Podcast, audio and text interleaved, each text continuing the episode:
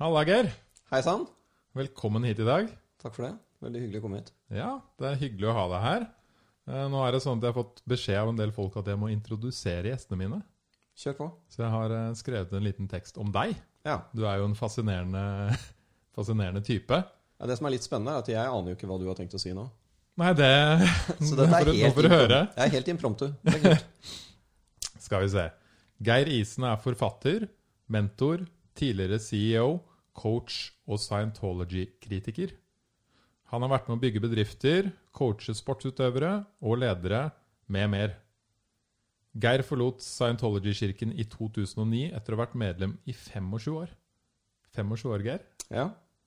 Eh, vendepunktet kom i 2006, kort tid etter at han oppnådde det øverste selvutviklingsnivået i kirken, OT6. OT8. 8 skal det være. OT8. Ja. Og da møtte du også lederen, David Miscavige. Ja. Jeg tror vi må snakke litt om den Scientology-delen her, eh, Geir. ja, det kan vi godt gjøre. Nå er det jo en stund siden jeg snakket mye om det. Det var jo veldig sånn i vinden når jeg gikk ut i 2009, og fram til 2011-2012 kanskje, så var det mye ja, foredrag jeg holdt. Jeg ble tatt opp på scenen her og der for å snakke om disse tingene. Og så ble det en ny runde etter at jeg utga da min selvbiografi, som handler om dette temaet, som heter 1984. Litt sånn spill på George Orwells 1984 med tankepoliti og sånn, eh, som har mye med scientologi å gjøre. Og etter 2013 så var det en sånn bølge hvor folk ville ha mye av meg pga. den boka jeg skrev. Og det er jo den eneste boka om scientologi hvor, hvor jeg går gjennom alle hemmelighetene. Altså alle de hemmelige nivåene i detalj. Så når jeg skrev den, så ble jeg jo ikke bare svartelista, altså jeg ble sett på som sønn av Satan i, i Scientologikirken.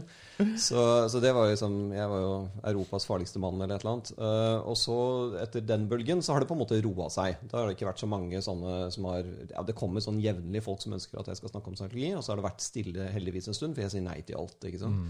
Men så uh, kommer jeg til deg, og så tar du det opp, og så tenker jeg okay, Lurer jeg deg inn? Ja, du lurer meg inn igjen. Men det er, det er greit nå. Nå har det vært en stund hvor jeg ikke har snakket om det. Så nå blir det litt sånn friskt for meg også å snakke om det. Og, fordi det går vel på en måte sånn Hvis det blir van, vanlig, altså man snakker mye om det, så, så blir det kjedelig, og det blir kjedelig å høre på også. Men akkurat nå så tror jeg jeg er såpass langt unna sist gang at vi kan få det til å bli litt friskt og nytt allikevel. Ikke sant. Det jeg har uh, tenkt litt på og lurt på, er jo hvordan man oppegående og smart kar som deg uh, kom inn i det.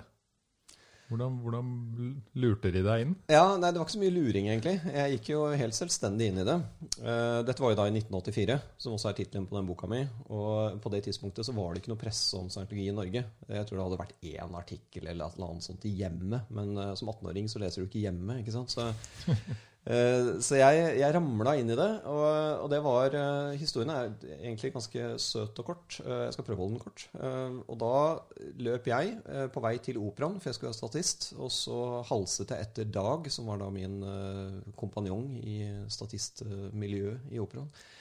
Og han løp alltid fortere enn meg, så jeg hang litt etter. Og så var det en fyr som klarte å stikke en sånn liten løpeseddel inn i hånda mi mens jeg løp. Og den så jeg ikke på før et par dager etterpå. Og da sto det noe om at eh, det var et eller annet sånn vitenskapelig et eller annet sto det der. Og jeg var jo en blodnerd. Jeg var jo inne i partikkelfysikk, eh, astrofysikk, matematikk. Det var hele livet mitt. Ja, For det tok jeg ikke med, men det har du jo også studert, ikke sant? Jeg har studert astrofysikk, ja. Um, Og så da, eh, i og med at jeg var så veldig fokusert på disse hardcore science-tingene, så var det ikke bare fordi jeg var veldig interessert i det, det var jeg, ekstremt interessert i det, men det var også litt sånn escape fra mennesker. Jeg slapp jo å snakke med folk, ikke sant. Jeg hadde min forse innen astrofysikk, så da, da slapp jeg å forholde meg til folk, og særlig damer. Så, så når jeg da var 18 i 1984, så hadde jo ikke jeg tatt på en jentepupp siden jeg tok på mammas pupp når jeg var baby. Så, så, og jeg hadde vært på en kvart klassefest og klatra ut gjennom eh, toalettvinduet når de skulle begynne å gjøre disse selskapslekene sine. Så jeg var jo ikke veldig sosial. Du var bilde på en bilde på en nerd. Ja, ja, ja helt, helt klart. Jeg fikk jo pustevansker når jeg skulle lese høyt i klassen på Katta, og det var, det var jo ikke spesielt hyggelig. Eh, Men i hvert fall, jeg klarte å være statist da, på operaen. Da skal man bare stå bak og være usynlig. Og denne lille billetten som jeg fikk, den eh, klarte jeg da å finne adressen til. Jeg kom inn i et lokale, og så skulle jeg da se denne filmen som det sto annonsert på denne lappen. Og det, det var et eller annet som trigga rundt eh, vitenskap på dette her, da. Godt pakket inn, sikkert. Og da kom jeg inn, og da sa de at ja, du skal bare ta en personlighetstest først. Og jeg, hæ? Jeg skal jo se en film. Ja, ja, men du skal bare ta en personlighetstest først. Jeg tenkte ja, ja, jeg har jo tid. Det går greit. Jeg skrev disse svarene på 200 spørsmål, og så fikk jeg se denne filmen mens hun regnet ut scoren. Mm. Og filmen var kul. Den Hva slags spørsmål var det, da? masse rare spørsmål på denne testen. Og den testen den er for øvrig en rip-off av en ganske anerkjent psykologisk test som heter Johnson Temperament Analysis. Mm. Og så var det da Hubbard som skrev eh, og lagde hele scientologi, som da bestilte en rip-off av en dame i scientologi som også var psykolog på 50-tallet. Og hun gjorde litt om på den testen, og på et par punkter faktisk forbedret den. Eh, Og det var den testen jeg tok, og den handler om alt ifra har du mange venner? Snakker du åpenhjertelig om dine følelser? Eh, Blir du ofte nervøs hvis du hører plutselige lyder? Eh, Det er alle mulige rare spørsmål. ikke sant? 200. Og så kom jeg inn til en dame som satt med en sånn graf. Hadde regnet ut denne scoren min. Og den grafen den, eh, i ettertid så, så den jo ganske sørgelig ut. Altså Det var mye rart på den grafen. Kommunikasjonsnivået mitt var jo i mangel av et bedre ord bedritent. Altså Det var skikkelig dårlig. Og så skåret jeg veldig lavt, husker jeg, også på dette med å være nervøs. Så kombinasjonen dårlig på kommunikasjon og nervøs, da skjønner du, stå foran noen og snakke da, det, det går dårlig. Um, og så ser hun på den, og så sier hun du, hvis du skal ha en sjanse til å sjekke opp en dame i ditt liv, så er du nødt til å ta en titt på dette her. Og så peker hun på kommunikasjonsstudioet. Og det skjønte jeg jo, men jeg var ikke interessert i damer. Jeg var ikke interessert i å snakke med folk. Jeg var interessert i science, liksom. Mm. Og da spurte jeg ok, det er greit, whatever. Men har dere noe på astrofysikk, eh, partikkelfysikk, kjemi?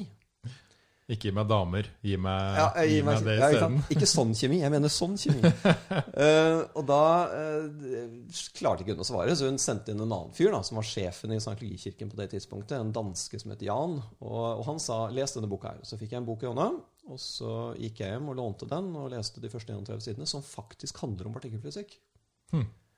Og det traff veldig, for det, det var en kule ting som sto der. Men på hvilken måte handler det om det innenfor Scientology? Hvordan er det de Ja, det, det blir veldig teknisk og vanskelig å forklare. Ja.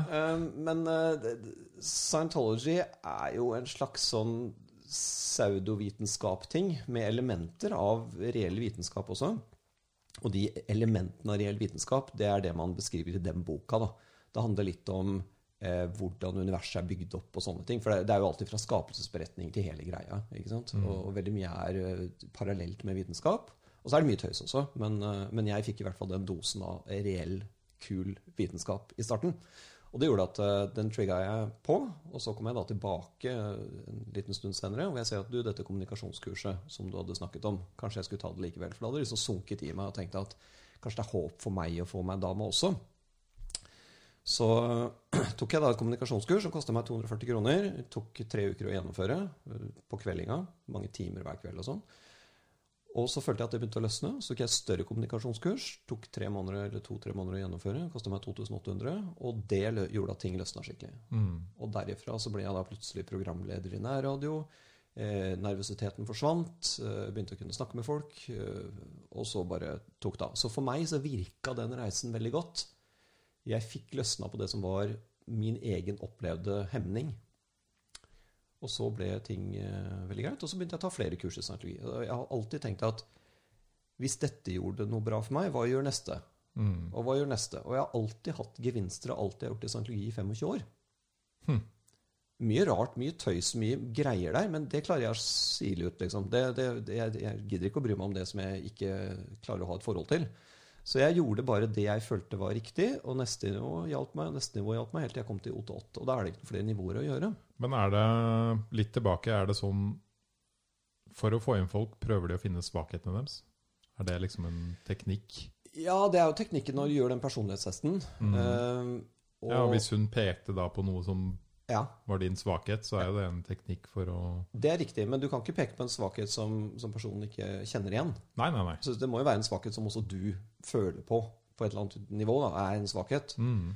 Eh, og så er det jo å tilby en eller annen form for hjelp på det. ikke sant? Og nå er jo Hubbard, hvis vi går inn på den kritiske siden av scientologi, så er jo Hubbard som, eller Hubbard som lagde scientologi, han har jo en sånn bilde at han har lagd det komplette, perfekte systemet for å hjelpe en hvilken som helst person, organisasjon, land, verden i en hvilken som helst sammenheng. Altså det er jo, det er jo en, eh, ja, Det er på sånn en end-all, det er en silver bullet. Det er liksom det som skal løse alt. da. Det skal løse verdenskrig, eh, det skal løse sult, det skal løse narkotikaproblemer, det skal løse enkeltindividers problemer uansett hva du sitter i. ikke sant? Så man har jo da en tro når man er i scientologi at dette her kan fikse alt. Uansett hvem som kommer inn, uansett hvilken svakhet de har, dette kan vi ordne. Så du fikk mye hjelp av å være med der? Jeg fikk veldig mye hjelp av å være der. Eh, først og fremst på dette med kommunikasjon og det å få det til å løsne. Eh, og så opp det, det var et par sånne veldig kule ting underveis også. Jeg oppdaget at jeg hadde plutselig en kreativ side. Altså Jeg var jo en ordentlig blodnerd og drev med programmering. og det, det var ikke noe kreativitet i meg. liksom. Kunstnerisk var ikke interessert. Men på et nivå i scientologi, et eller annet som heter OT1, 2 og 3, i det området der, så plutselig løsnet det noe kreativt. Så begynte jeg å lage musikk, så begynte jeg å lage 3D-kunst Wow. og sånne ting. Og det, jeg liksom, det lå ikke i meg i det hele tatt. Og så plutselig så følte jeg at liksom, her var det noe utforsket. da. Og da var jeg veldig inne i det å lage 3D-grafikk og sånn en stund. Så Kan du fortelle litt om de nivåene? Altså, Ja, de hva, er det du, hva er det du går gjennom? Ja. Og det, eh, og det er de, de som er veldig hemmelighetsfulle, eller? ja, først er det ikke-hemmelige nivåer. Ja. Opp til et nivå som heter Clear. Og de nivåene opp til Claire de handler om sånne ting som blir fri til å kommunisere med folk, blir fri til å eh, tenke løsning framfor problem, at de ikke er fastsatt i problemer. Eh, ikke være fastlåst i tap du har hatt. F.eks. en kjæreste som har gått fra deg. altså Klarer du ikke lenger å være sammen med en kjæreste fordi det minner deg om henne osv. Den type fastlåsninger løser man opp. Og så til slutt så blir man noe som heter Claire. Da. Og Claire er veldig godt beskrevet i den første boka Elron Hubble skrev, som heter Dianetics. Og det handler om at du ikke lenger skal ha noen tvangstanker eller noen hemninger på din egen personlighet. Altså du blir deg selv ordentlig. Du kaster alle disse 'Å nei, jeg kan ikke gjøre det', og sånn. Eh, og når du har gjort det, da begynner de hemmelige nivåene. Hvilket nivå er det på da? Da begynner OT. 1, 2, 3, 4, 5, 6, 7, 8. Okay. De OT-nivåene, og det står for opererende tetan. Oh, Ja, og nå begynner det å bli sånne greier. For jeg er full av sånne ord. tetan, ja. Ja, ikke sant? Tetan, det er, eh, i mangel av noe bedre ord, det samme som sjel, eller individet, eller bevisstheten. Så man sier at en tetan, det er deg, det er individet deg. Du har tatt bolig i en kropp. Og når din kropp stryker med, så går du, individet deg, ut av kroppen og roter rundt, prøver å finne en babykropp, og går inn i den. Dermed reinkarnasjon. ikke sant? Samme som buddhisme og hinduisme. Så tetanen er individet. Og opererende tetan betyr at man begynner å operere mer som et åndelig vesen. Og der skjer det ting på de OT-nivåene som, eh, som er da ikke beskrevet i noe særlig grad, og som scientologikirken holder like hemmelig som, eh, som Vatikanet holder sine hemmeligheter. Altså. Det er ganske heftige greier.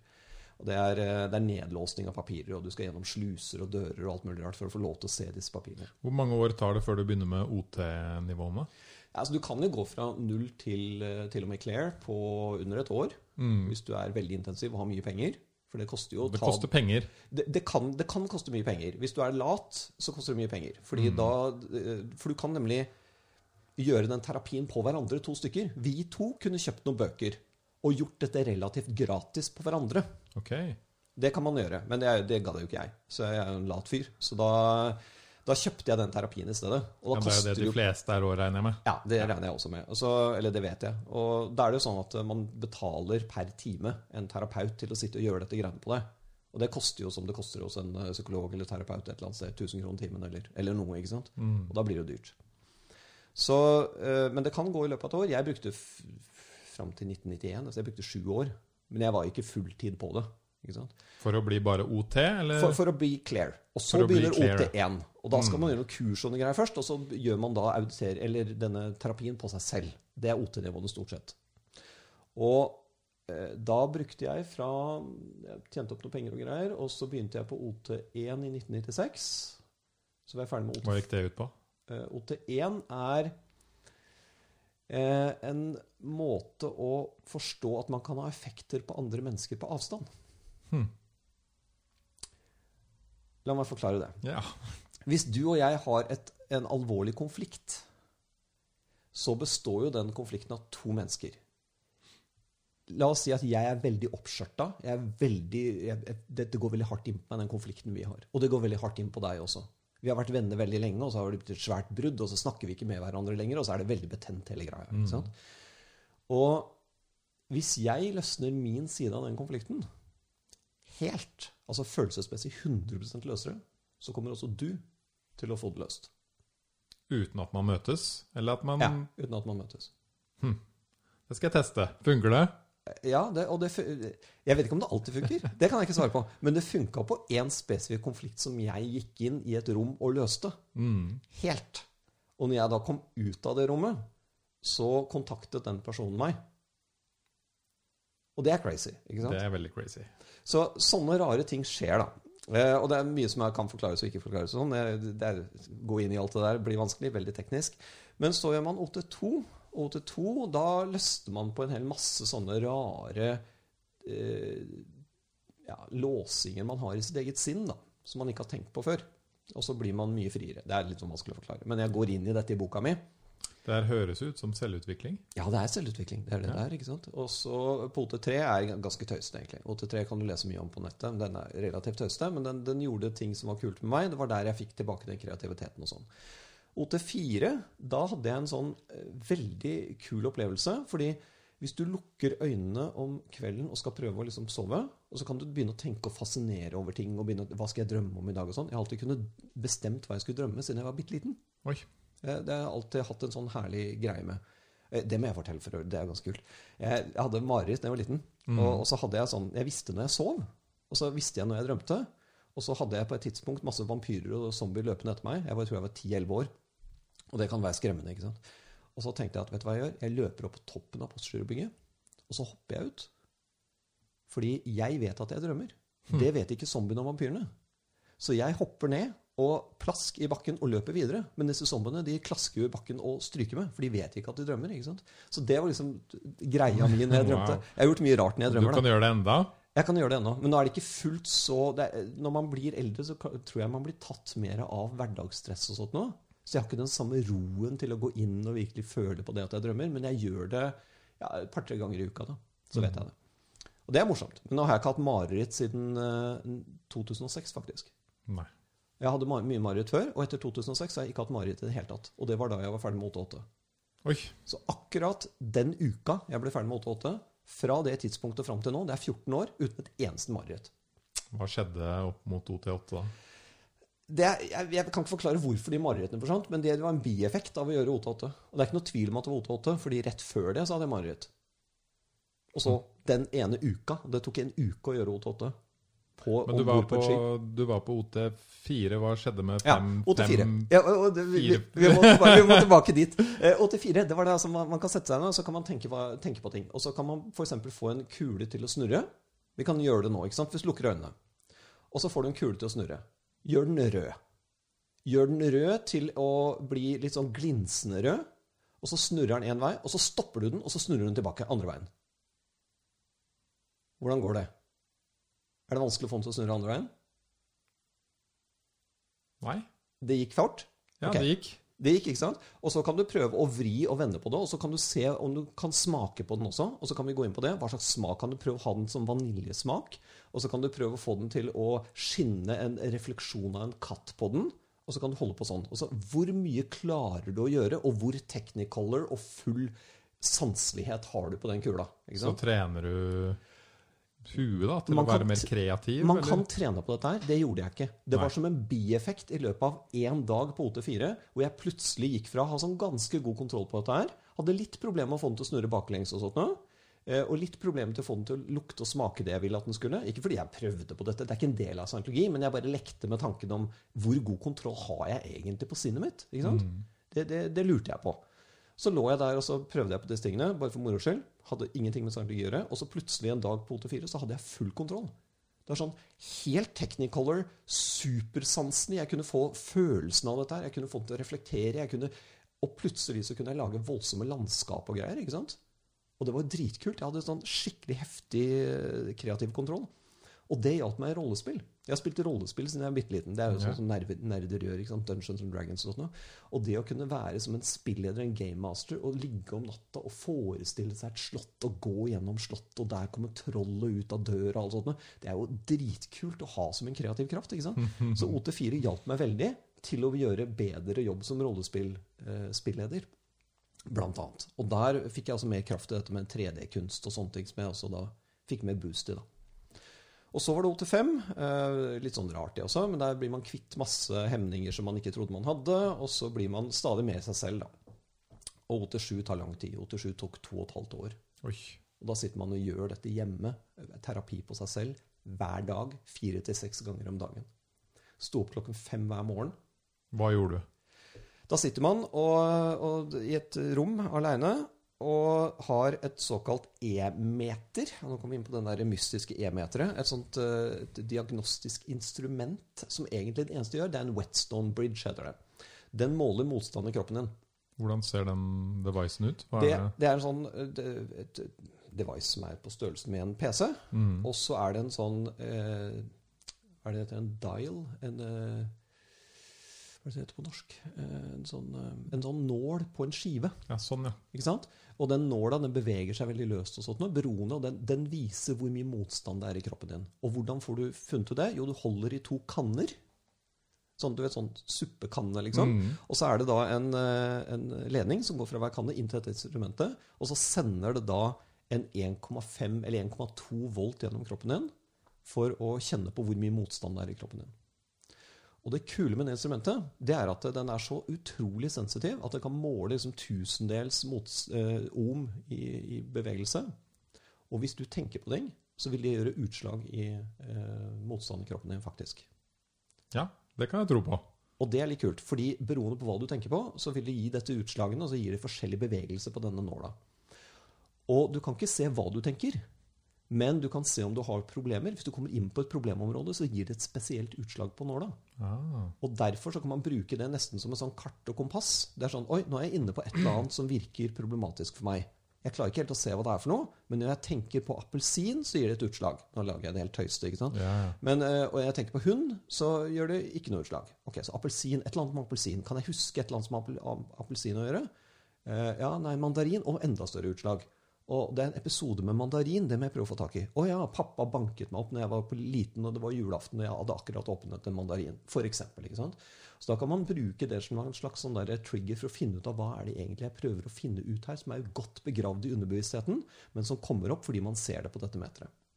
Høres jo nesten ut som en form for eh, meditasjon, hvor du sitter med dine egne tanker og hodet ditt, men du kan også lese av en, en device som gir deg litt sånn Dette reagerer du mye på. Riktig. ikke sant? Så det, det gir deg en litt sånn ekstern perspektiv. Istedenfor at du bare roter rundt og, og prøver å finne ut av ting, så, så har du i hvert fall litt sånn hold i hvor skal du se, da. Hva skal du finne ut av.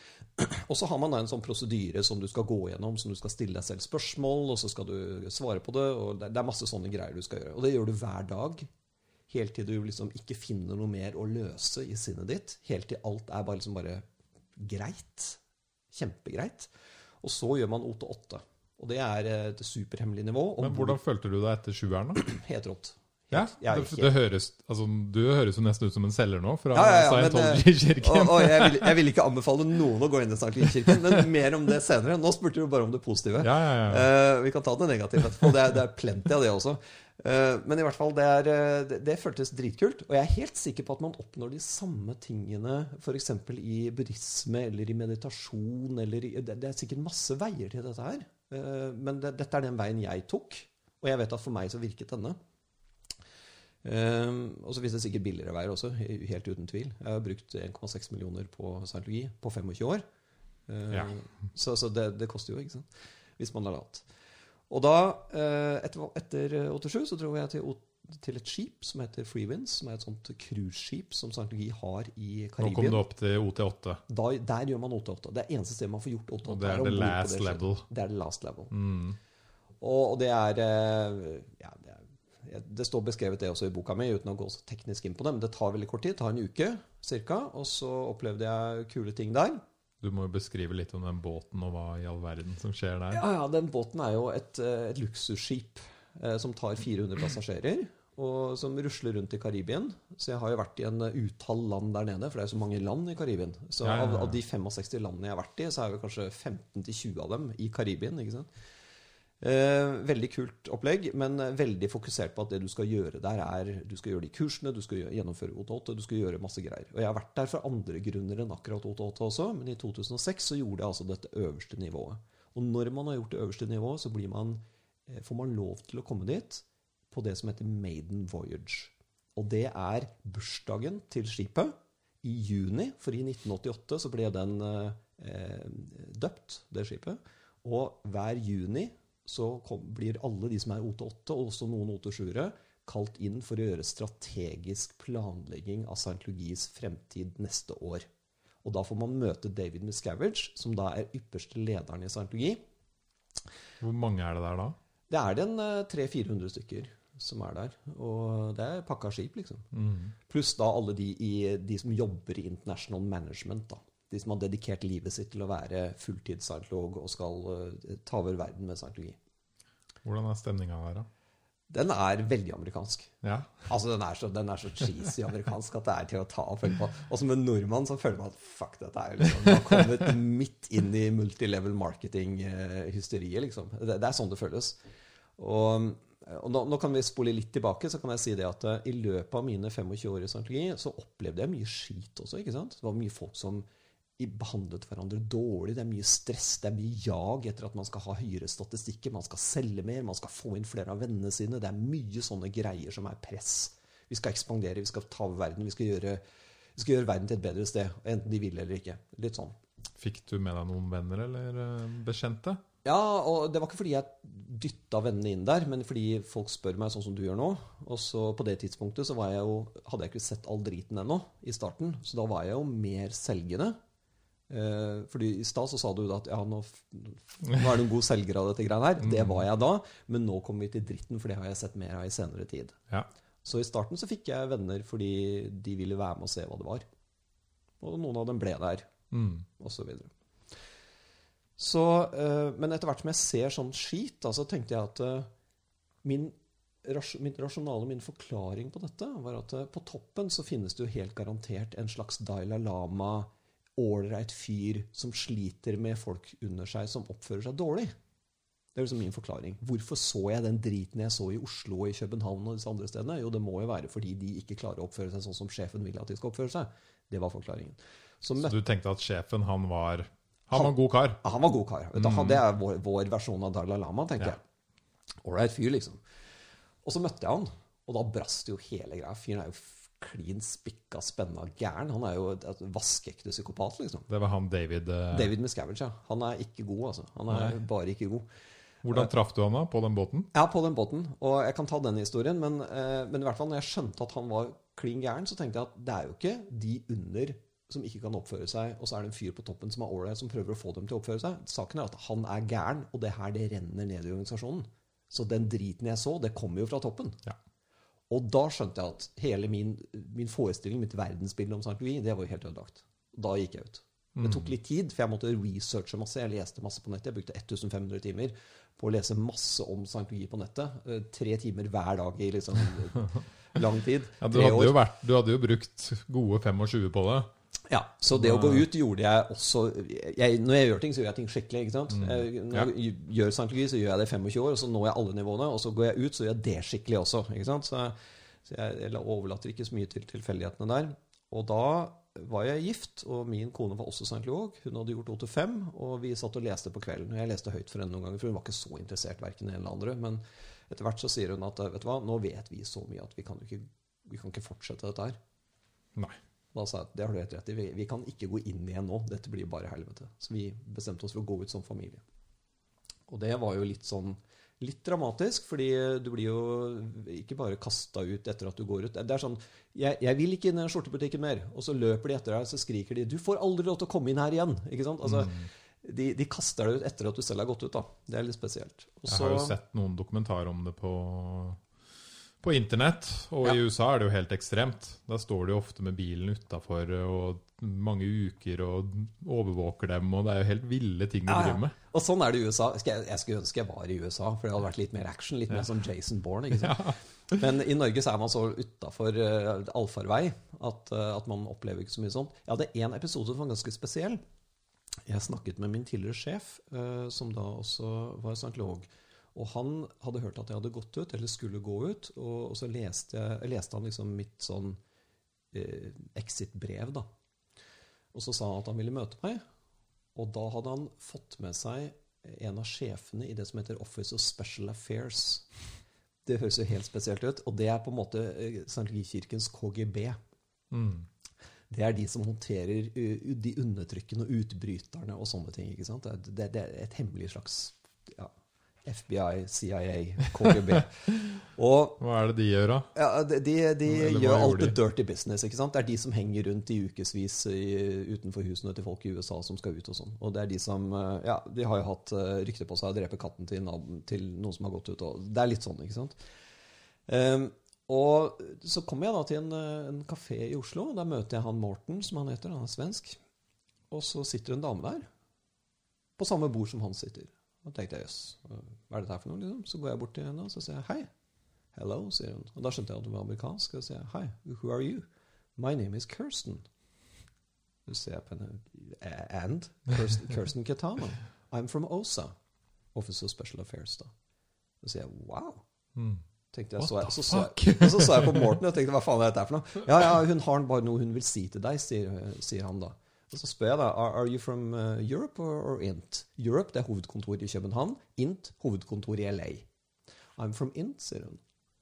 Så de flydde inn en dame for å Ja, fra, fra, LA, liksom. Så sier jeg så, så, Why are you here? All the way from LA? Og så svarer hun da I just happen to be in the neighborhood. Og så sier jeg, In the neighborhood of what? Like Santa Claus and reindeer? og bare helt usannsynlig. Og så, og så sier jeg at nei, jeg har noe vi vil si til deg og greier nå. Men, men vi har et hotellrom her borte som du må bli med til. Tenkte jeg, dritkult. Dette blir jo ordentlig sånn, sånn James Bond. ikke sant? Og jeg satte da på recording på telefonen min. Og gikk bort og Rutinert, Geir. ja, ja, så Ja. lagde meg en te og satte på denne recordingen. og sånn, ikke, ikke så lenge nervøs som jeg var når jeg var 18, så, så går det greit. Og da tok de med meg til et hotellrom som de hadde rigga opp. Og der kom sjefen for OSA i Europa, som var degradert til å bære bøker for hun derre sjefen i LA. Såpass. Og dette er PR-sjefen i Europa, som liksom var bokbærer for anledningen. Og hun sa veldig lite. Anette Refstrup heter hun. Men Kirsten Ketano fikk jeg etterpå vite at det er hun som de sender etter hvis Tom Cruise hadde bestemt seg for å gå ut. Oi, oi, oi. Da hadde de sendt henne. Hvordan var denne dama?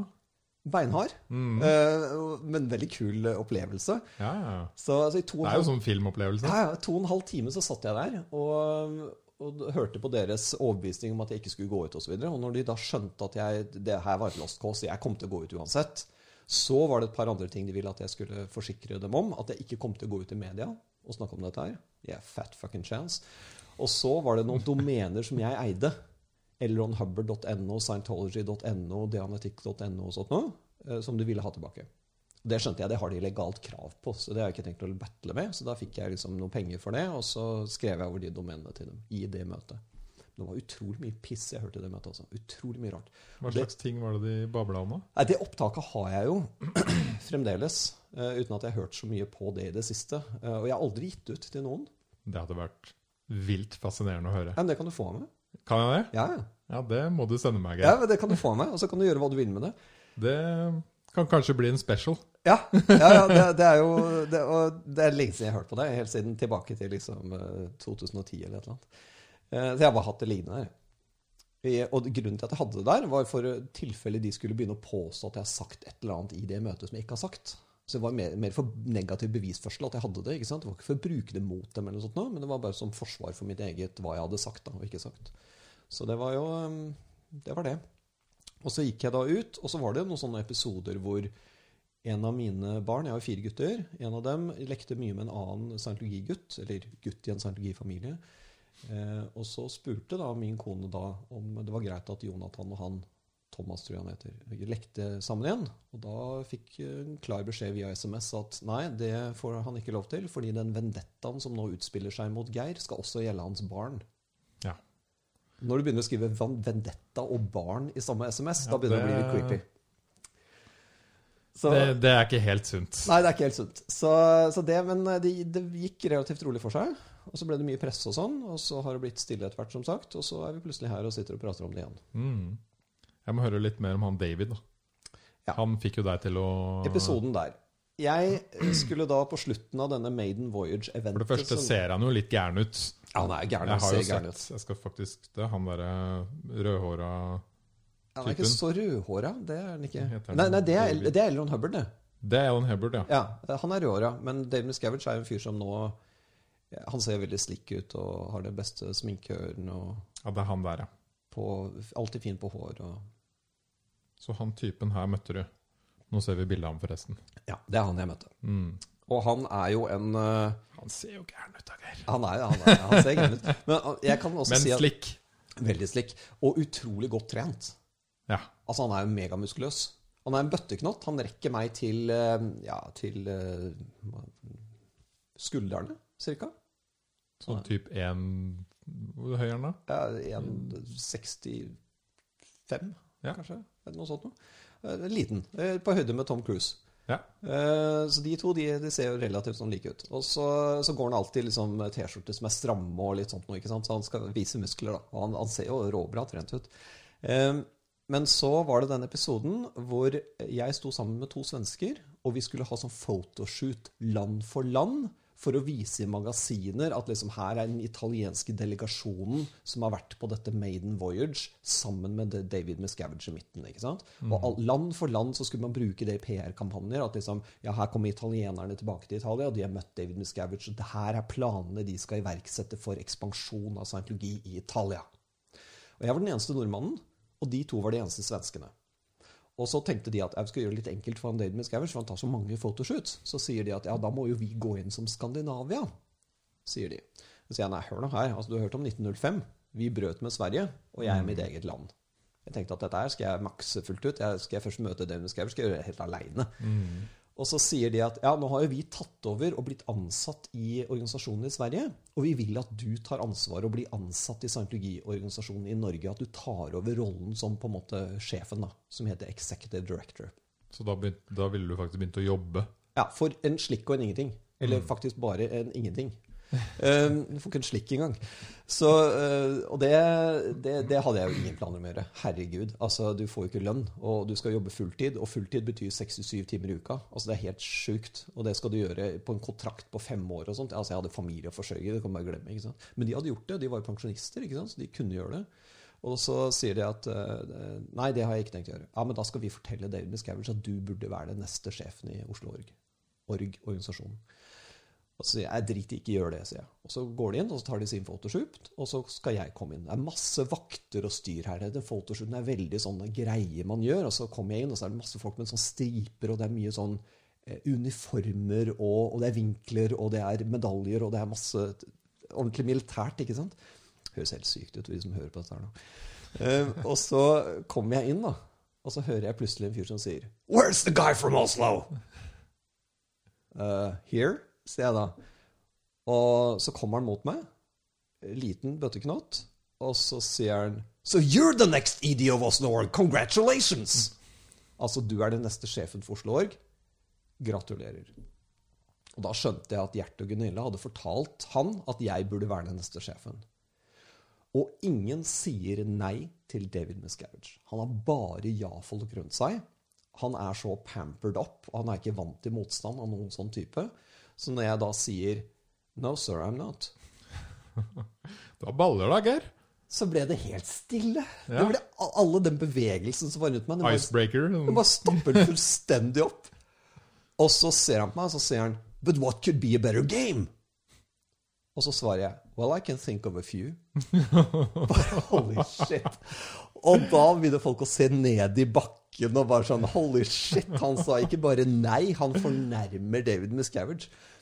Og så fortsetter han da å kjøre på for å rekruttere meg, da. For han gir seg ikke på tørre møkka. ikke sant? So we hear nothing from Oslo. It's just a fucking hole. There's nothing happening there. Bah, bah, bah, bah, ikke sant?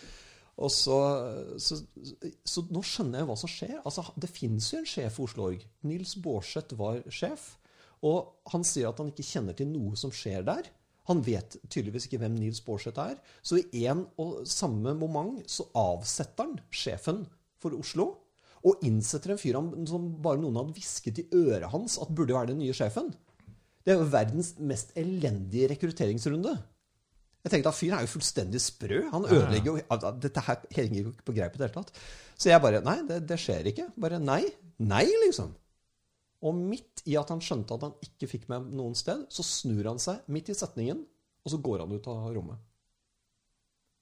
Og da ble det sånn helt nervøs spenning. Stemt. du var på en båt. Jeg var på en båt. Jeg kunne ikke stikke av noe sted. Vi var ute på havet, liksom. Og, og bare Holy shit. Og de folka, de bare Hva faen skjer nå, liksom? De begynte å gå og rydde litt. Og, sånn. og etter fem minutter da, så kommer han refreshed inn igjen. Han har fått uh, fiksa på sveisen og sånn, som har tydeligvis blitt litt eh, frustrert den også, mens han pratet med meg. Og så sier han OK, let's do the photoshoot. But you're the next idiot of us, Norg. I'll make sure of that, sier han. Og så sier han da til en av sine adjutanter Note that. Oh, I'm tracking you, sir. I'm tracking you, sier dama. Og så tar vi denne photoshooten, og så går jeg ut og så tenker jeg at dette er helt jævla galskap. Og da begynte jeg å researche litt. Grann. Året etter så fikk jeg beskjed av han som er eh, OSA-sjefen, Office of Special Affairs i, i Oslo, den som heter Mathias, at jeg, han ville at jeg researchet noe på nettet, fordi noen hadde sagt at David Miscavige slår fysisk sine eh, undersåtter, og at det var en journalist i Norge som skulle skrive om dette. Han ville vite hvem journalisten er, og ville at vi skulle komme i forkjøpet og stoppe den historien. Og Mathias, ingen andre i Oslo trodde at eh, David Miscavige kunne slå den. Det ville de aldri trodd. Jeg hadde møtt ham på bord på båten. Jeg skjønte at det var fullt innenfor hans eh, personlighet å banke livskiten ut av folk. Høres sånn ut. Definitivt. Og da begynte jeg å researche. Hørte jeg masse historier. Jeg så masse historier, jeg så video på nettet osv. Tenkte jeg at ja, det jeg så om bord på båten, det stemmer. Og da begynte historien på min exit av Scientology. Mm. Lang historie. For en reise. Ja, ja, ganske, ganske artig. Men du, det Hva var det du egentlig trodde på? Eh, Hva er det man tror på? jeg er ikke sånn veldig sånn trofyr, da. Nei. Det er ikke det jeg driver med. Hva er det liksom. folk der tror på, da? Ikke uh, deg, men andre. Hva er det de liksom Hva er det, hva er det Scientology preacher? Det er jo dette med at du er et åndelig vesen. eh, tatt bolig i en kropp. Reinkarnasjon er et faktum. Tidligere liv er da åpenbart eh, noe som man kan eh, huske hvis man er i eh, shape til å gjøre det, eller har fått trening til å gjøre det. Ehm, det er liksom hovedreligionselementet i det. Bortsett fra det så er det veldig mye selvutvikling. Det er veldig mye alternativ til meditasjon eller til andre deler av buddhisme osv. Så, men så, så er det sånn at det, det fremstår jo som veldig sånn vitenskapelig, og det er veldig liksom forska på og sånn, men det er én mann som har gjort all forskningen, og det er ingen andre som får lov til å slippe til. Det er ingen andre som får lov til å gjøre noe om på det han har gjort. Så hvis du ser på aksen religion til vitenskap, og vitenskap er jo noe som hele tiden utvikler seg. Man finner nye teorier. man får dem altså Akkurat som kosmologi, da, altså verdensrommet. Man finner ut mer om det, og så eh, reformerer man teoriene, og så er dette i stadig fluks, stadig utvikling. Religion, i sin ytterste konsekvens, ta Bibelen, det er noe som noen har skrevet, og som ikke skal fikles med. Og scientologi er det mest religiøse på den aksen av noe jeg har vært borti. Det er ikke en komma som skal endres på. Det er ikke en tolkning av det Elon Hubbards eh, sier. Det er ingenting som skal avvike fra det han noensinne har skrevet. Så i, på den aksen så er jo scientologi super-hyper-religiøst. Og absolutt ikke vitenskapelig. ikke sant? Og det er det som skjærer i meg som en sånn vitenskapsinteressert fyr. Det er at det er ikke noe endring i det. Så det fins masse bedre teknikker og bedre måter å utvikle folk på enn i scientologi, men det får ikke plass i scientologi. Så det blir akterutseilt. Scientologi er etter hvert eh, noe som blir helt bare et komma i historien. En kuriositet. Og så tar noen noen av teknikkene som er nyttige, og drar det videre i en annen drakt. Og så får det lov til å utvikle seg. Og sånn bør det være. Ikke sant. Hvor mange medlemmer eh, er det i Norge? 50-100, 50 aktive medlemmer, tenker jeg. 50 stykk Ja, i verden, da. Eh, 30 000 maks. Og hva har det vært på det største? Vet du det? Kanskje 100 000. Mm. Det er jo den gruppen av nyreligiøse som har fått mest spaltemillimeter per medlem, tror jeg. Akkurat det jeg tenker på. Det har jo ikke så mye det siste året, kanskje, men fire-fem år siden var det veldig mye i media. Ja, og hele 90-tallet også. Ja. Og hele 2000 til eh, 2015. I hvert fall liksom. når de fikk med Tom. Ja, ja, og da var det jo masse styr. Og før det John Travolta, så har du Kirstie Alley, Jenna Elfman, uh, Catherine Bell, altså masse sånne. En god venn av meg også, som heter Jason Begay, som er uh, hovedrolleinnehaver i Chicago PD. Uh, han gikk jo ut omtrent samtidig med meg, litt før meg. Og, og han var jo også en sånn trekkplaster for scientologi på et tidspunkt. Så ja. Spennende. Det er Mm. en spennende historie, da. Jeg må få høre den kassetten du har tatt opp, eller den, det opptaket. Ja, det er veldig interessant. Ja, jeg skal sende til deg. Mm. Men hva er det du holder på med nå om dagen, da, Geir? Eh, nå Nok om scientology. Ja, ja, ja, nå har det Eh, blitt et helt egen, helt egen podkast om bare scientologi. Um, det jeg gjør nå altså Nå har jeg eh, drevet og bygd eh, forskjellige bedrifter opp igjennom siden jeg kom inn i rekrutteringsbransjen i 1990. Drev en rekrutteringsbedrift fram til 2000. Kom inn i IT-bransjen i 2000 fordi jeg hadde programmert siden jeg var en bøtteknott og savnet mitt nerdete jeg. Eh, Begynte i et som het Leanpro da i eh, 2000, og var da administrerende i Leanpro i 2003 til 2004. Så startet jeg mitt eget tilsvarende selskap, FreeCode. Vi jobbet med open source programvare og utvikling av programvare. Som jeg da solgte unna alt i 2012. Og da ble jeg også skilt. Så jeg og min kone eide dette sammen. Eh, Det var ikke derfor vi eh, skiltes, men det er en parallell historie der. Og så var det da den fyren som er den kuleste fyren jeg har jobba med, som jeg ansatte i FreeCode i 2007, en som heter Brennan Martin fra Nord-Irland. Han har jo vært der. Riktig. Mm. Og uh, han og jeg vi eh, begynte å gjøre mer og mer ting som ikke hadde noe med programvare å gjøre, og mer utvikling av selskaper og utvikling av enkeltmennesker mens jeg jobbet i FreeCode. Og tenkte at vet du hva, jeg er i ferd med å branche ut av IT. Og uh, når jeg solgte ut FreeCode, så bestemte han og jeg oss for å starte et nytt selskap, som da endte opp med å hete Å. Bare Å. Bokstaven Å. Eh, Nå kan du ikke hete bare Å i Brønnøysundregisteret. Du er nødt til å ha minimum tre bokstaver, og tre år etter hverandre er litt sånn kinky. Mm. Så vi endte opp med å kalle selskapet det engelske navnet på bokstaven Å, nemlig A-circle. Altså en A med en sirkel. Ja. Og det har vi da drevet, vi to, i tospann. eh, Nærmest med liksom kun på telepati. eh, I da åtte år nå. Og vi gjør bare kule prosjekter der vi kan gjøre en maksimal impact med folk vi liker, og som er empatiske. Og det gjelder alt ifra å snu opp ned og forbedre bedrifter, eh, hjelpe bedrifter å etablere seg i utlandet. Eh, vi coacher eh, team, vi coacher individer. Hva slags individer coacher dere? Eh, I business-sammenheng så er det alltid fra ledere og hele veien til eh, folk som har behov for å gjøre en bedre jobb. Da. Eh, Vi har, ser jo mange bedrifter hvor folk ikke har forløst et potensial. Altså, vi ser talenter i bedrifter som ikke blir brukt riktig, f.eks. Og det kan være et ledelsesproblem, at folk ikke skjønner hvilken verdi enkeltmennesker har. Men så kan det også være enkeltindividets uh, hemninger på ikke å komme helt ut av skallet og ikke få vist sitt potensial. Så, så hjelper folk å komme ut av skallet. Ut av skallet. Ja. Og, og gjøre Fortell litt mer hvordan du hjelper folk med det. det Det er, er, jo, det er mange folk som vil komme ut av skallet sitt. Ja, ja, det er jo det, ikke sant? Eh, Eller skapet, for den saks skyld. Ja. Jeg har hjulpet folk å komme ut av skapet. også. uh, jo da, uh, det, og det er veldig skreddersydd. Jeg har ikke noen fast metode på det, men det, verktøykassa blir så stor etter hvert. Jeg har jobbet med å coache folk siden jeg var i rekrutteringsbransjen i 1990. ikke sant? Og, og der begynte det med at vi gjorde en, eh, hvis vi gjorde en feilrekruttering, så måtte vi gjøre hele eh, rekrutteringen gratis på nytt. Og for å unngå at det skulle bli en for stor økonomisk byrde, så coachet vi alle vi rekrutterte til å bli suksessfulle i jobben. Ikke bare rekrutterte og stakk, men Mm. faktisk sørge for at de ble suksessfulle. Og, så der begynte det. Og så har jeg da jobbet mye på privaten også med å coache folk alltid fra folk jeg møter på T-banen, til en uteligger, til altså alle mulige folk. Eh, og i år da så jobber vi med å få enkeltindivider til å skjønne hvor bra de er, og det går litt på å få dem til å definere hva de er bra på. Eh, ikke så mye å fokusere på hva de er dårlige på. Det er ikke det viktigste. Få dem til å fokusere på hva de er bra på, og få dem til å gjøre mer av det. Og veldig ofte så er folk bra på det de er, eh, har passion for. Mm. Det de elsker å gjøre, som de kanskje ikke engang tør å si. ikke sant? Sånn, Hver gang jeg får dette type prosjekt av sjefen, så gleder jeg meg så jævlig, for det syns jeg er så gøy. Ok, Kan vi få deg til å gjøre mer det, da? Ja, men jeg får jo aldri disse prosjektene. Har du spurt sjefen din? Kan vi ta et møte med sjefen din og snakke om de prosjektene du virkelig vil ha? Altså, Gå etter passion, da. Det er det mye av det vi gjør.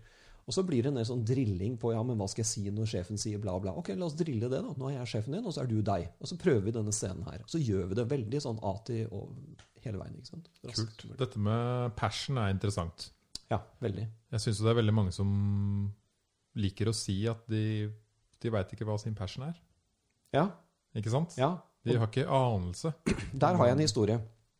Eh, Jeg holdt et foredrag en gang foran et par hundre mennesker om dette her med å rydde opp kaos i hodet.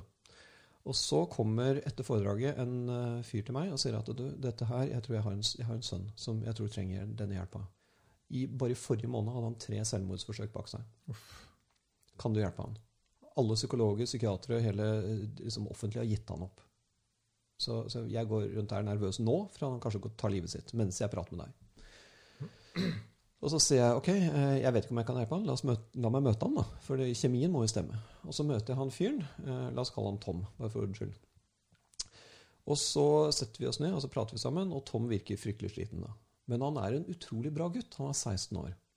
Og så er det et eller annet ved han som jeg syns er veldig ålreit. Og så treffer vi veldig godt, og så matcher kjemien, og så spør jeg han har du lyst til å jobbe med meg kunne vi tenke oss å prøve å, å Før du liksom bestemmer seg for å hoppe ut av en bro eller hengere, så kan vi se om vi kan få til noe. Og så sier han ja, det har jeg lyst til, sier han. Jeg har lyst til å prøve det. Og når jeg da begynner å snakke med han, og vi går tur i Frognerparken og prater om ting, og sier jeg har du noe passion? Nei. Ingenting. Som er et ganske standard svar? Ja, ja. Veldig standard, veldig standard svar. Og det er, min erfaring er at eh, grunnen til at folk, Når jeg har jobbet veldig mye med folk som prøver å ta livet sitt, eller driver med selvskading, eller, eller sånn, det området har det veldig jævlig. da. Og De fleste jeg har jobba med, har det ikke jævlig fordi noen banker dem opp, eller de har eksterne faktorer som sliter. Det er fordi de ikke har noe passion. Nettopp. De er liksom helt på felgen. De har ikke noen grunn til å leve. da. Og så, så, begynte jeg å utforske dette. Er det noe du har gjort i livet noen gang? som har gitt ja, Tom. En, ja, Tom, ja, ja, ja. Er det noe du har gjort noen gang som, som den gang ga deg persen? Og så begynte jeg å grave og grave. Han kunne ikke se noe. Til slutt så kom det opp. Jo, ja, én ting jeg har hatt veldig glede av å gjøre, og det er å spille trekkspill, sier han. Hmm. Bare trekkspill? Og her er jo alle mine egne fordommer må man jo da legge til side. Ja, ja, ja. Hvordan kan noen ha passion for å drive med trekkspill? Det var det første som slo meg. Men Eh, men i hvert fall da, så begynte jeg å få han til å eh, gjøre trekkspill. Så fikk jeg han inn i studio til å se en fyr produsere musikk og sånn. Altså, han hadde et musikkgen da, som jeg begynte å nøste i. Og når jeg da tok han inn sammen med eh, Martin Daniel, CLMD, eh, og han fikk se liksom studioet til en fyr han jobber med, og sånt, så tenkte jeg herregud, dette var dritkult. Og så fikk han tilbake den passion, og det førte han ut av den gøra. Mm. Og en annen historie med Tom det er at eh, for å passe på at han ikke strøk med på min vakt, eh, så sa jeg at ok, hver eneste kveld så sender du meg et tall på en SMS hvordan den dagen har vært. Og skalaen er minus tre til pluss tre. Minus tre jeg vil ta livet mitt. Minus to en jævlig dag. Minus én en dårlig dag. Null uinteressant dag. Jeg kunne like så godt vært i senga. Pluss én ålreit dag. Pluss to veldig bra dag. Pluss tre er på toppen av livet. Han sa at han aldri noen gang har husket å ha vært på pluss. Oi. Så lenge han kan huske. Så når han var på null, så var det når han spilte tekstspill. Skjønner du? Mm. Og så spurte jeg hvor, hvor ligger du nå om dagen. Nei, mellom minus to og minus tre. Annenhver dag tenker jeg på å ta livet mitt. Ok, Da må vi lage en verktøykasse som gjør at du går, når du er på minus tre, opp til minus to. Vi må finne en verktøykasse. Ting du kan gjøre som gjør at du kommer ut av det å tenke på å ta livet ditt, til å tenke på at det bare var en dårlig dag.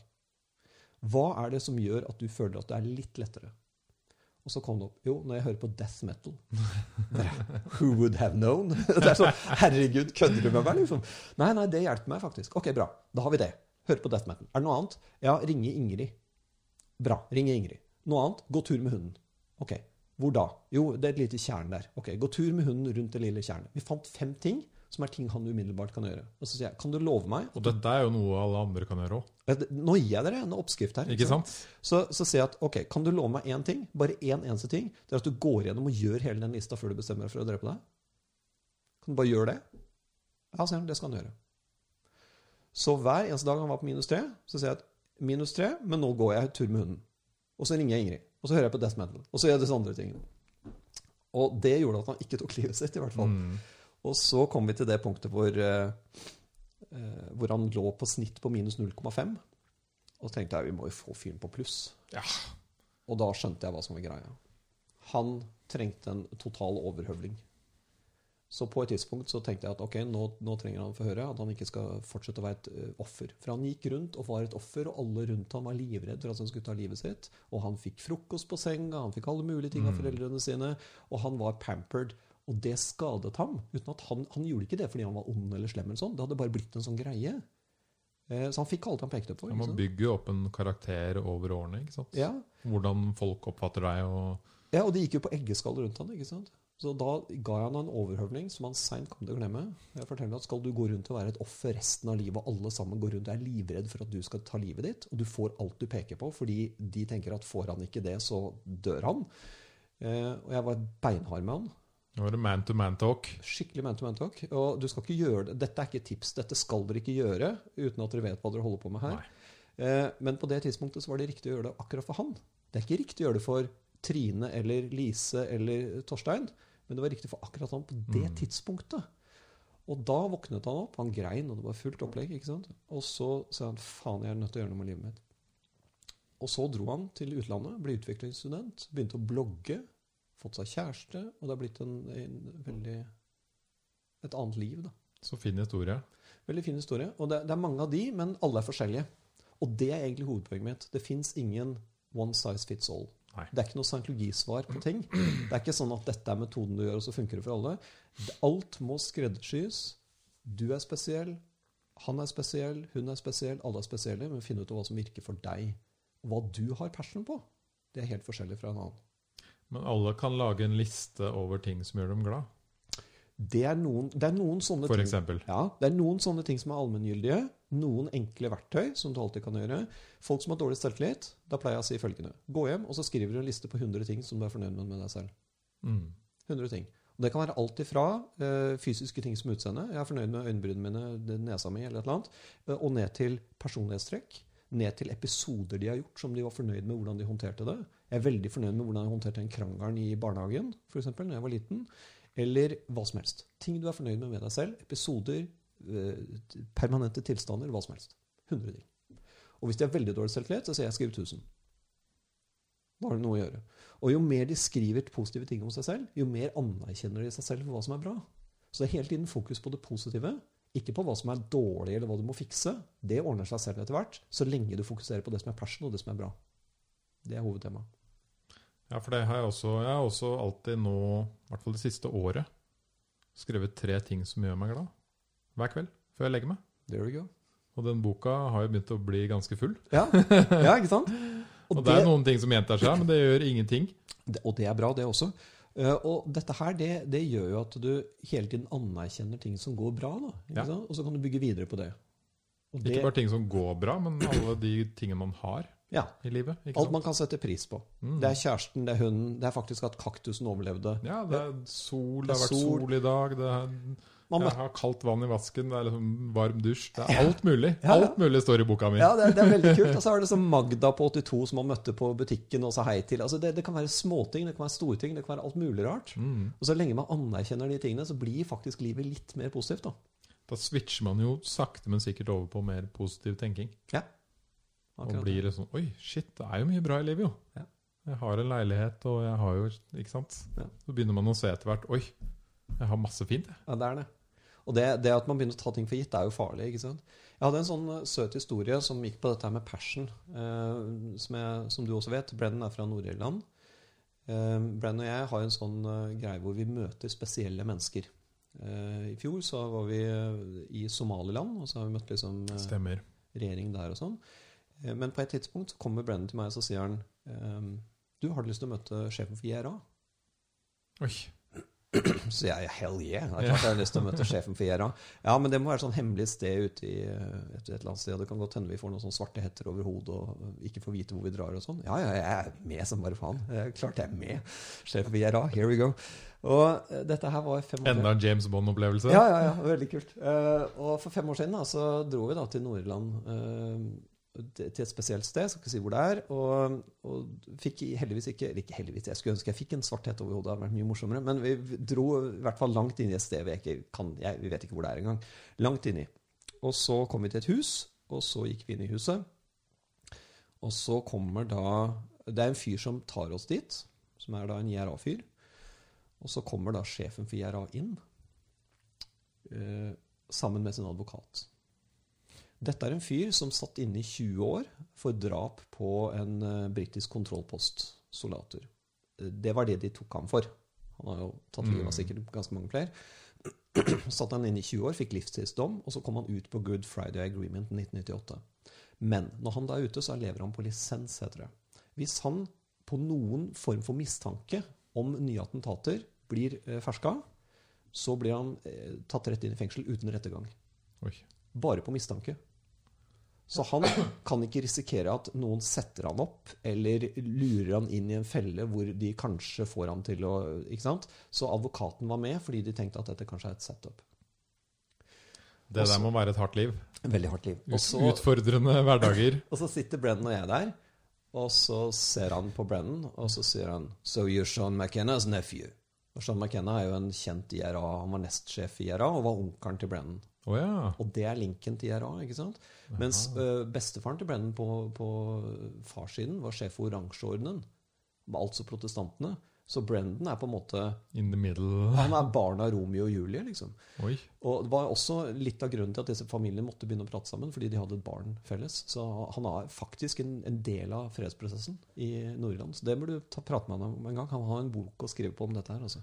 Ja, han skal komme tilbake. Ja, han bør komme tilbake. Og så sier han so, you're Sean McKenna's nephew. Og så sier Brendan yes I am. Oh, then it's okay. Så, så husjer han advokaten sin ut av rommet. Og så sier han So you want to interview me? Yes I would, sier jeg. Ok, shoot, sier han. Godt valgt ord. Og, og da første jeg sier, da, er jo Ok. Are you a terrorist? Are you running a terrorist organization? Jeg bare måtte. Når du først gjør dette her, så må du bare kline til. ikke sant? Og, og så, da svarer han jo fantastisk bra. Han sier at uh, når dere i andre verdenskrig var okkupert av tyskerne, så hadde dere en motstandsbevegelse. Var de terrorister? Mm. Det var svaret hans.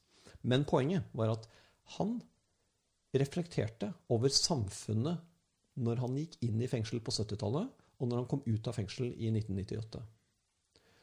Og vi snakker om dette her med problematikk rundt selvmord og passion og sånne ting, fordi de hadde jo enorm passion, disse folka, ikke sant? De i IRA. Og så sier han, Geir, når, på 70-tallet, når du gikk på barneskolen, folk drev ikke med selvskading.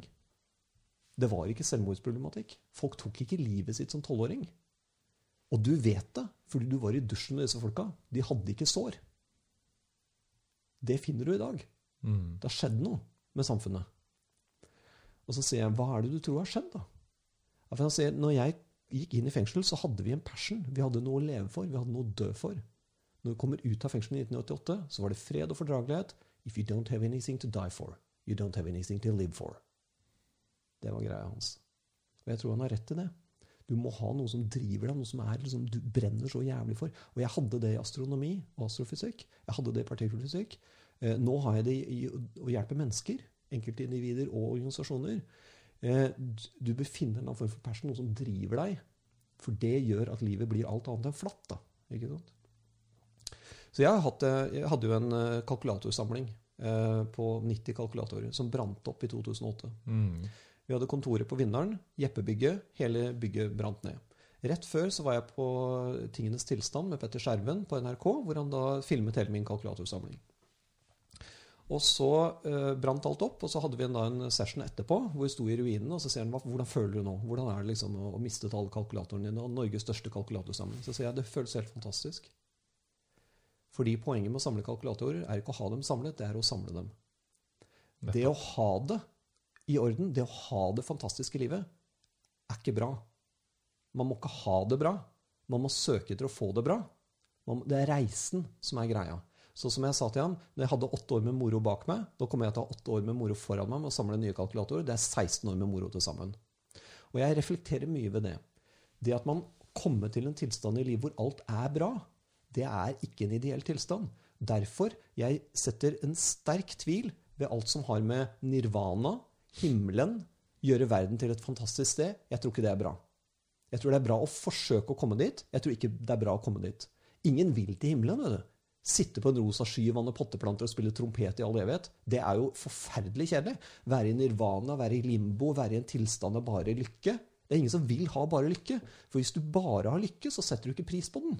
Nei. Du er nødt til å reflektere, du er nødt til å ha disse Du er nødt til å få den der at undulaten din tok selvmord, du har det forferdelig, eh, du mister kjæresten, eh, hun går fra deg, eh, puler vennen din altså, Du har disse tingene i livet som gjør at du setter pris på de positive tingene. Så du må også faktisk, etter at du har skrevet alle disse tre tingene, reflektere ved at det er ting i livet som er drit, og det er også bra. Jeg setter enorm pris på at vi har det politiske systemet i Norge hvor det skifter mellom høyre- og venstreside. Jeg tror det er bra at Norge har begge deler. Jeg tror ikke det er bra at det har bare vært Høyre eller bare Arbeiderpartiet. Jeg tror det er bra at det skifter. Og jeg tror det er bra at biler krasjer. Jeg tror det er bra at fly faller ned. Hvordan kan man Ikke så mye, disse men bare litt. Hvordan kan man bruke disse litt tyngre, kjipe sidene i livet til sin fordel? For det er det det egentlig sier. Det er det jeg sier. Og jeg tror vi skal lære av det. Jeg tror vi skal reflektere ved det. Jeg hadde en periode i 2000 hvor jeg hadde reaktiv artritt. Reaktiv artritt er akutt leddgikt. Jeg har enorm eh, respekt og passion for akkurat det som skjedde da. Da var det helt jævlig. Jeg sov ti minutter av gangen. Jeg kunne, jeg kunne ikke sove lenger, for da våknet jeg i full smerte. Så brukte jeg ti minutter på å snu kroppen fra den ene siden til den andre for å fortsette å sove i ti minutter til. I tre måneder hadde jeg uutholdelig smerte. Nå setter jeg enorm pris på det. Fordi jeg vet hva smerte er. Og det, det betyr at da setter jeg mer pris på når jeg ikke har smerte. Ikke sant? Så det å, det å kjenne på den kontrasten Livet skal være kontrast. da. Helt enig. Og det er jo det man lærer av. Det er det man lærer av, Det og det er det man vokser på. minus. Nei, ikke sant? Og det er det man vokser på. Det er dette her man eh, Og jeg, i 2012 så døde min mor i mine armer. Hun fikk eh, hjerteinfarkt, og eh, hovedpulsåra inni kroppen sprakk. Og hun lå og brukte 20 minutter på å dø i mine armer. Jeg prøvde å redde henne. Med liksom eh, 113 på telefonen og så videre. Eh, og jeg setter enorm pris på den opplevelsen nå. Det var jo en forferdelig situasjon. og Jeg ser mammaen sin dø, og det, er- jo en grusom greie. Men akkurat nå så tenker jeg at det der er jeg veldig glad for skjedde. Jeg er veldig glad for at hun døde når jeg var der. Så, øh, og det gjør at jeg setter mer pris på livet når jeg har sett døden så tydelig rett foran meg som jeg har gjort. Så Men jeg føler det er så mange som ikke klarer å hente ut de positive effektene da, av noe negativt som har skjedd. Ja, og der tar folk feil valg, tror jeg. Mhm. Fordi du har alltid et valg. Når du, når du sitter der og, og har liksom krasja bilen og totalkrasja Jeg har vært i sånne situasjoner også. ikke sant? Så har du et valg. Det er sånn Skal jeg la dette her ta meg, eller skal jeg ta situasjonen? Skal jeg la dette overvelde meg, eller skal jeg gjøre noe med det? Og det er alltid én ting du kan gjøre noe med. Det ene beinet foran det andre. liksom. Det, hvordan går du? Jo, ett bein foran det andre. Um, og det er én ting du kan gjøre. Hva er det første du gjør når du sitter der og av bilen? I Sverige på glattisen. Inn i autovernet. Ringe til Falken, eller tilsvarende i Sverige. Det er det første. Ja. Ok? Og så komme seg ut av bilen. Ikke sant? Ok. Det er, det, det er ett sted du kan ta alltid. Og uansett hvor kjip situasjon du er i, uansett om du tenker at nei, vet du hva, etter denne podkasten skal jeg ta livet mitt, så er det sånn Det er alltid et eller annet du kan gjøre først. Du kan, du kan ta tak i én liten ting. Begynn med én ting. Er du klar over at det, det er praktisk talt ingen som har tatt selvmord fra prekestolen? Hm. Fordi det er så vakkert? du, du, du bruker så lang tid på å gå opp dit. Du kommer så ut av uh, driten når du går opp der. Den, det er en renselse for hjernen. Det er akkurat det. opp. Ja, Og når du kommer opp der, så er det sånn Nei, jeg, det har ikke lyst til det. Ja, Pluss altså- pluss utsikten og sånn, da. Ja, pluss sånn. utsikten og sånn. Og du er klar over at det er jo statistisk ganske mange eh, altså personer per tusen, så er det jo flere som er selvmordskandidater. Og det er jo ikke sånn at det er bare de som ikke tenker selvmord, som havner på prekestolen. Det er jo hundretusenvis av folk som har vært der. Så statistisk burde det vært en del som har hoppa ut. Det er, det er ingen som har hoppa ut. Det er folk som har falt ut, men ikke hoppa ut. Så det er en annen ting. Hvis du har det tungt i livet, så fins det én ting du kan gjøre.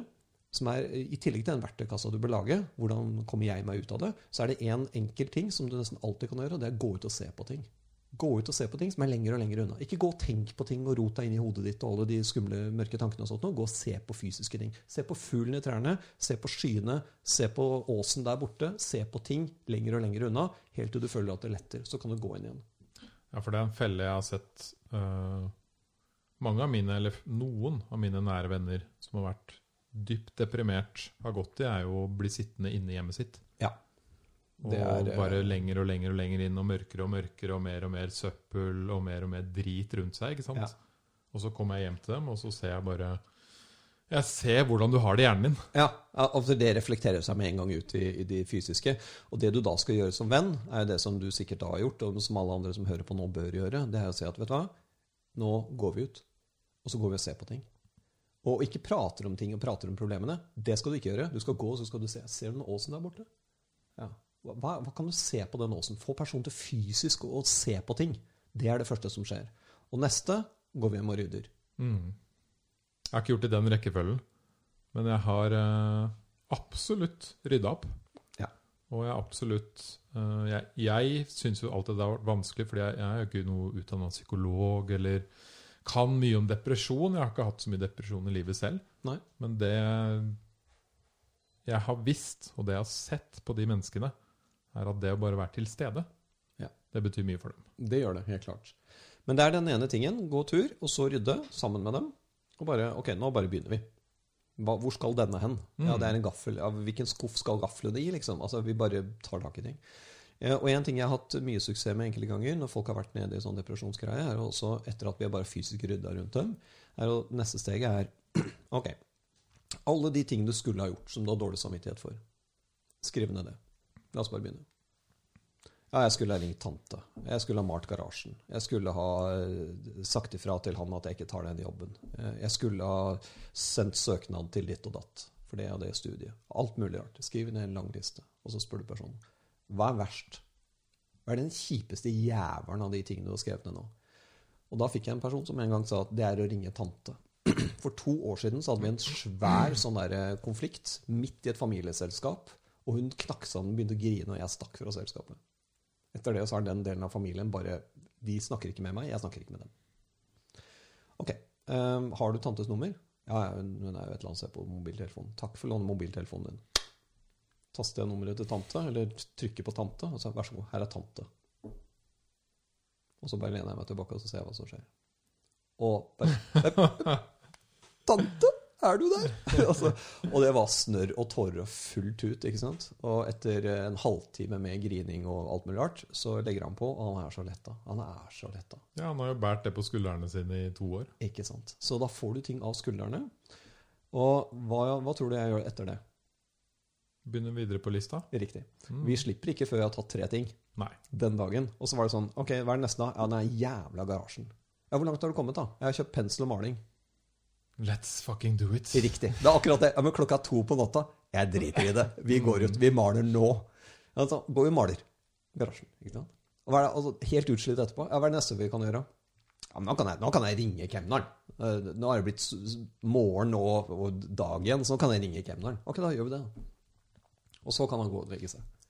Så det er, det er bare å ta tak i tingene, og så begynner personen å verdsette. Og så kan vi gjøre det du sa, nemlig skrive tingene som er positivt hver dag osv. Mm. Da masse, det er masse verktøy her. Men hvilken rekkefølge vi gjør ting, kan vi også sjonglere litt med. Noen ganger kan vi rydde først, og så gå tur. Noen ganger går vi ikke tur i det hele tatt. Altså det, det er bare gi tips da, som kan være positive. Bruk det som er riktig for den personen. Hver person er unik. Hva med vaner, da? Jobber du med å få folk til å få gode vaner? Eh, ja, det gjør jeg. Eh, men jeg er eh, enda mer på å få folk til å gjøre crazy ting. Ting de kommer til å huske? Ja. Gjøre de sprø tingene eh, som rykker dem ut av eh, dårlige vaner. Mm. Eh, eh, men ja, gjøre positive vaner også. Men, eh, men bare gjøre crazy nok ting som gjør at de får passion i livet. Hoppe fallskjerm, f.eks., hvis folk har lyst til det. Eller eh, gå på scenen og gjøre dette og datt. Ja. Kult. Føles ikke godt å hjelpe folk, da? Det er kjempekult. Det er, Mhm. det er veldig kult. Eh, og derfor så gjør jeg det også med tilfeldige mennesker. Altså Jeg sitter på Starbucks på Majorstua noen ganger, og så tar jeg, ser jeg en person som kanskje sitter der aleine, og så går jeg bort til personen og så sier jeg, hei, eh, har du lyst på en kaffe? Og så kan jeg hjelpe deg en time. Da tenker jeg herregud, er Jehovas vitne eller noe. Men ja. hvem er du? Ja. Eh, men altså, det kan jeg se for meg på Majorstua, at du får noen rare, ja, rare blikk da og til. Ja, men også bare rett og slett eh, ta tak og hjelpe tilfeldige mennesker. Og si at jeg trenger ikke å vite hva du heter, jeg trenger ikke å vite noe om deg i det hele tatt, men eh, la oss se hva jeg kan gjøre for å hjelpe deg. Eh, ja, men hva skal jeg betale for dette? Ingenting. Og grunnen til det er at man må vedlikeholde det å kunne hjelpe folk. Mm. Og det å hjelpe folk, det holder ikke bare med å hjelpe ledere i næringslivet, for det er litt ensarta. Da er du leder i næringslivet. Eller bare hjelpe idrettsstjerner. ikke sant? Jeg har hjulpet folk til gull i OL og sånt noe.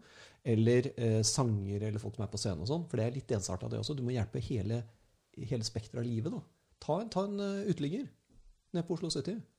Og så setter du deg ned og sier at eh, hva kan jeg gjøre for deg nå? Jeg skjønner at du vil ha penger, men, men hopp over akkurat det, for det, det, er så, det er så billig. Det kan jeg gi deg, liksom. Men, men er det noe annet jeg kan gjøre? Kan vi gå en tur i Frognerparken sammen? Kan vi prate om livet ditt? Kan vi, kan vi gjøre noe sammen? Tenk hvis flere gjorde sånn, da. Hadde det vært noe å hente. ikke sant? Mm. Da hadde verden blitt et litt annet sted. Hva sier de da? Uteliggerne? Er de med på å gå tur? Ja, med det, det, noen er jo sånn ikke, ikke sant? Altså, det, Noen får du ikke rekka på. Og det, er ikke sånn at Du skal ikke tvinge folk til å bli hjulpet heller. Så, men noen er jo Nå har jeg ikke gjort det så veldig mange på uteliggere, men noen ganger så er det sånn at eh, Ja, vet du faen, har, Kan jeg få en kaffe, liksom? Ja, det, vi kjøper en kaffe, og så går vi en tur. Mm. Prater vi om ting. Hvordan er det å være uteligger? Hva skjer, liksom? Ja, jeg begynte på heroin da jeg var 20. Og, ok, Hvordan er det? Altså, Vær interessert, bare prat med folk.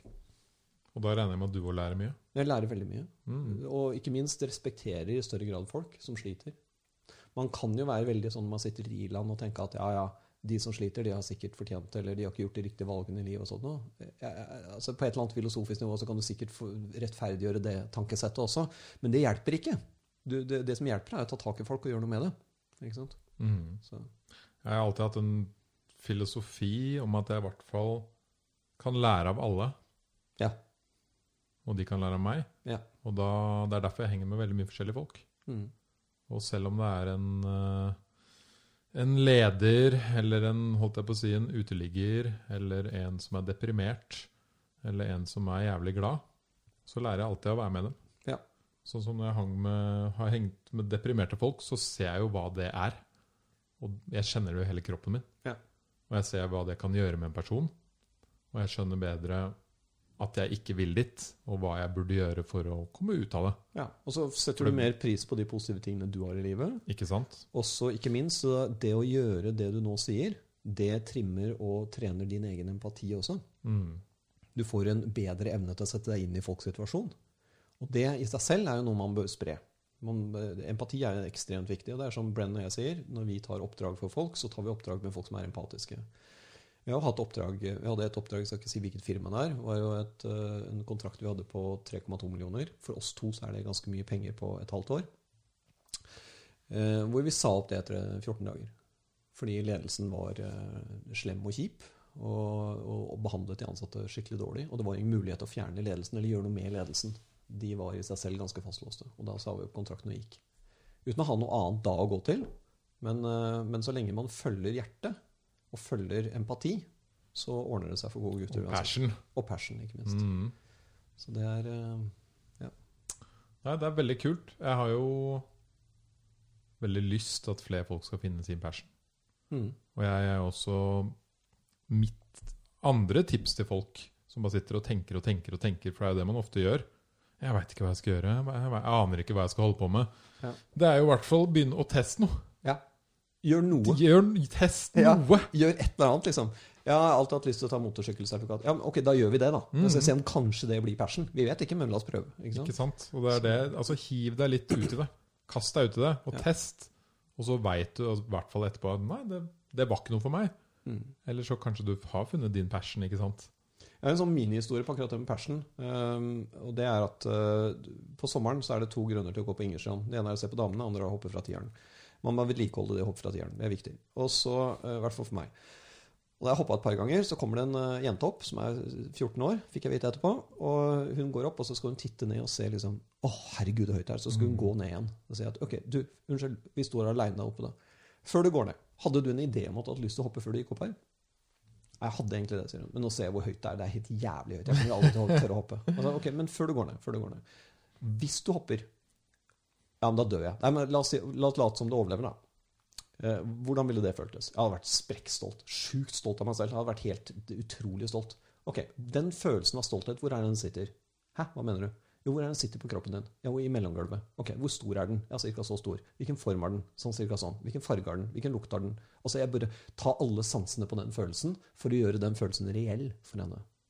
Og så sier jeg Du kan få den følelsen bare ved å hoppe.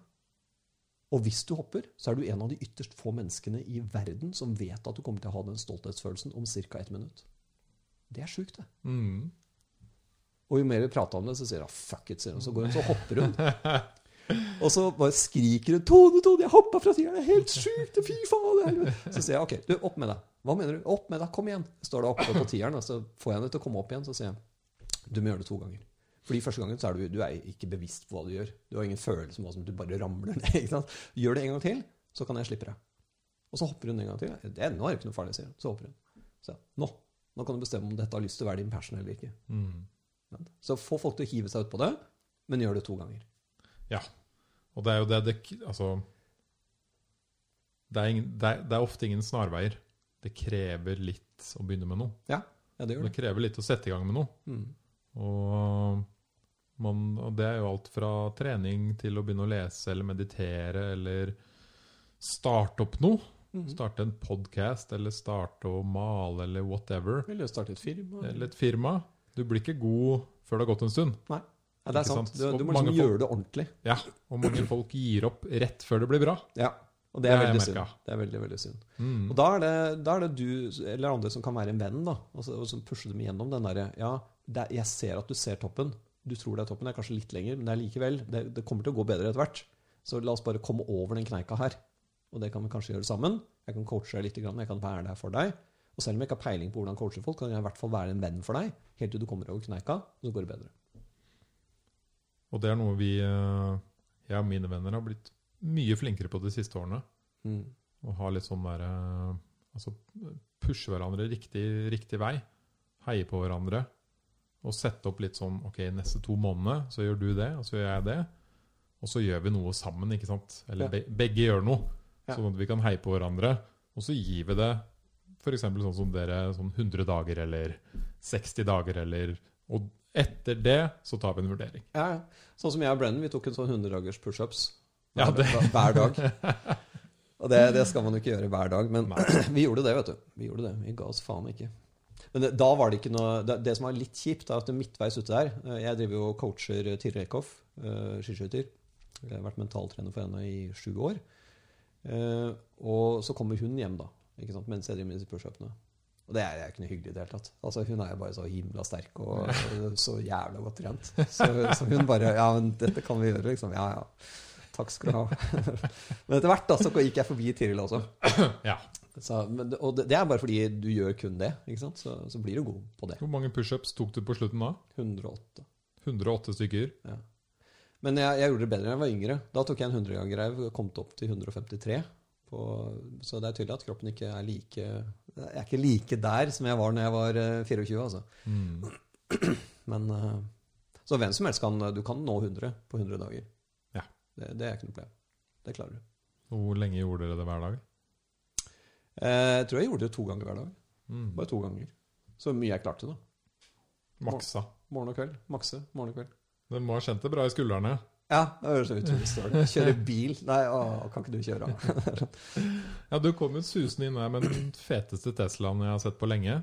Hvor det sto på skiltet.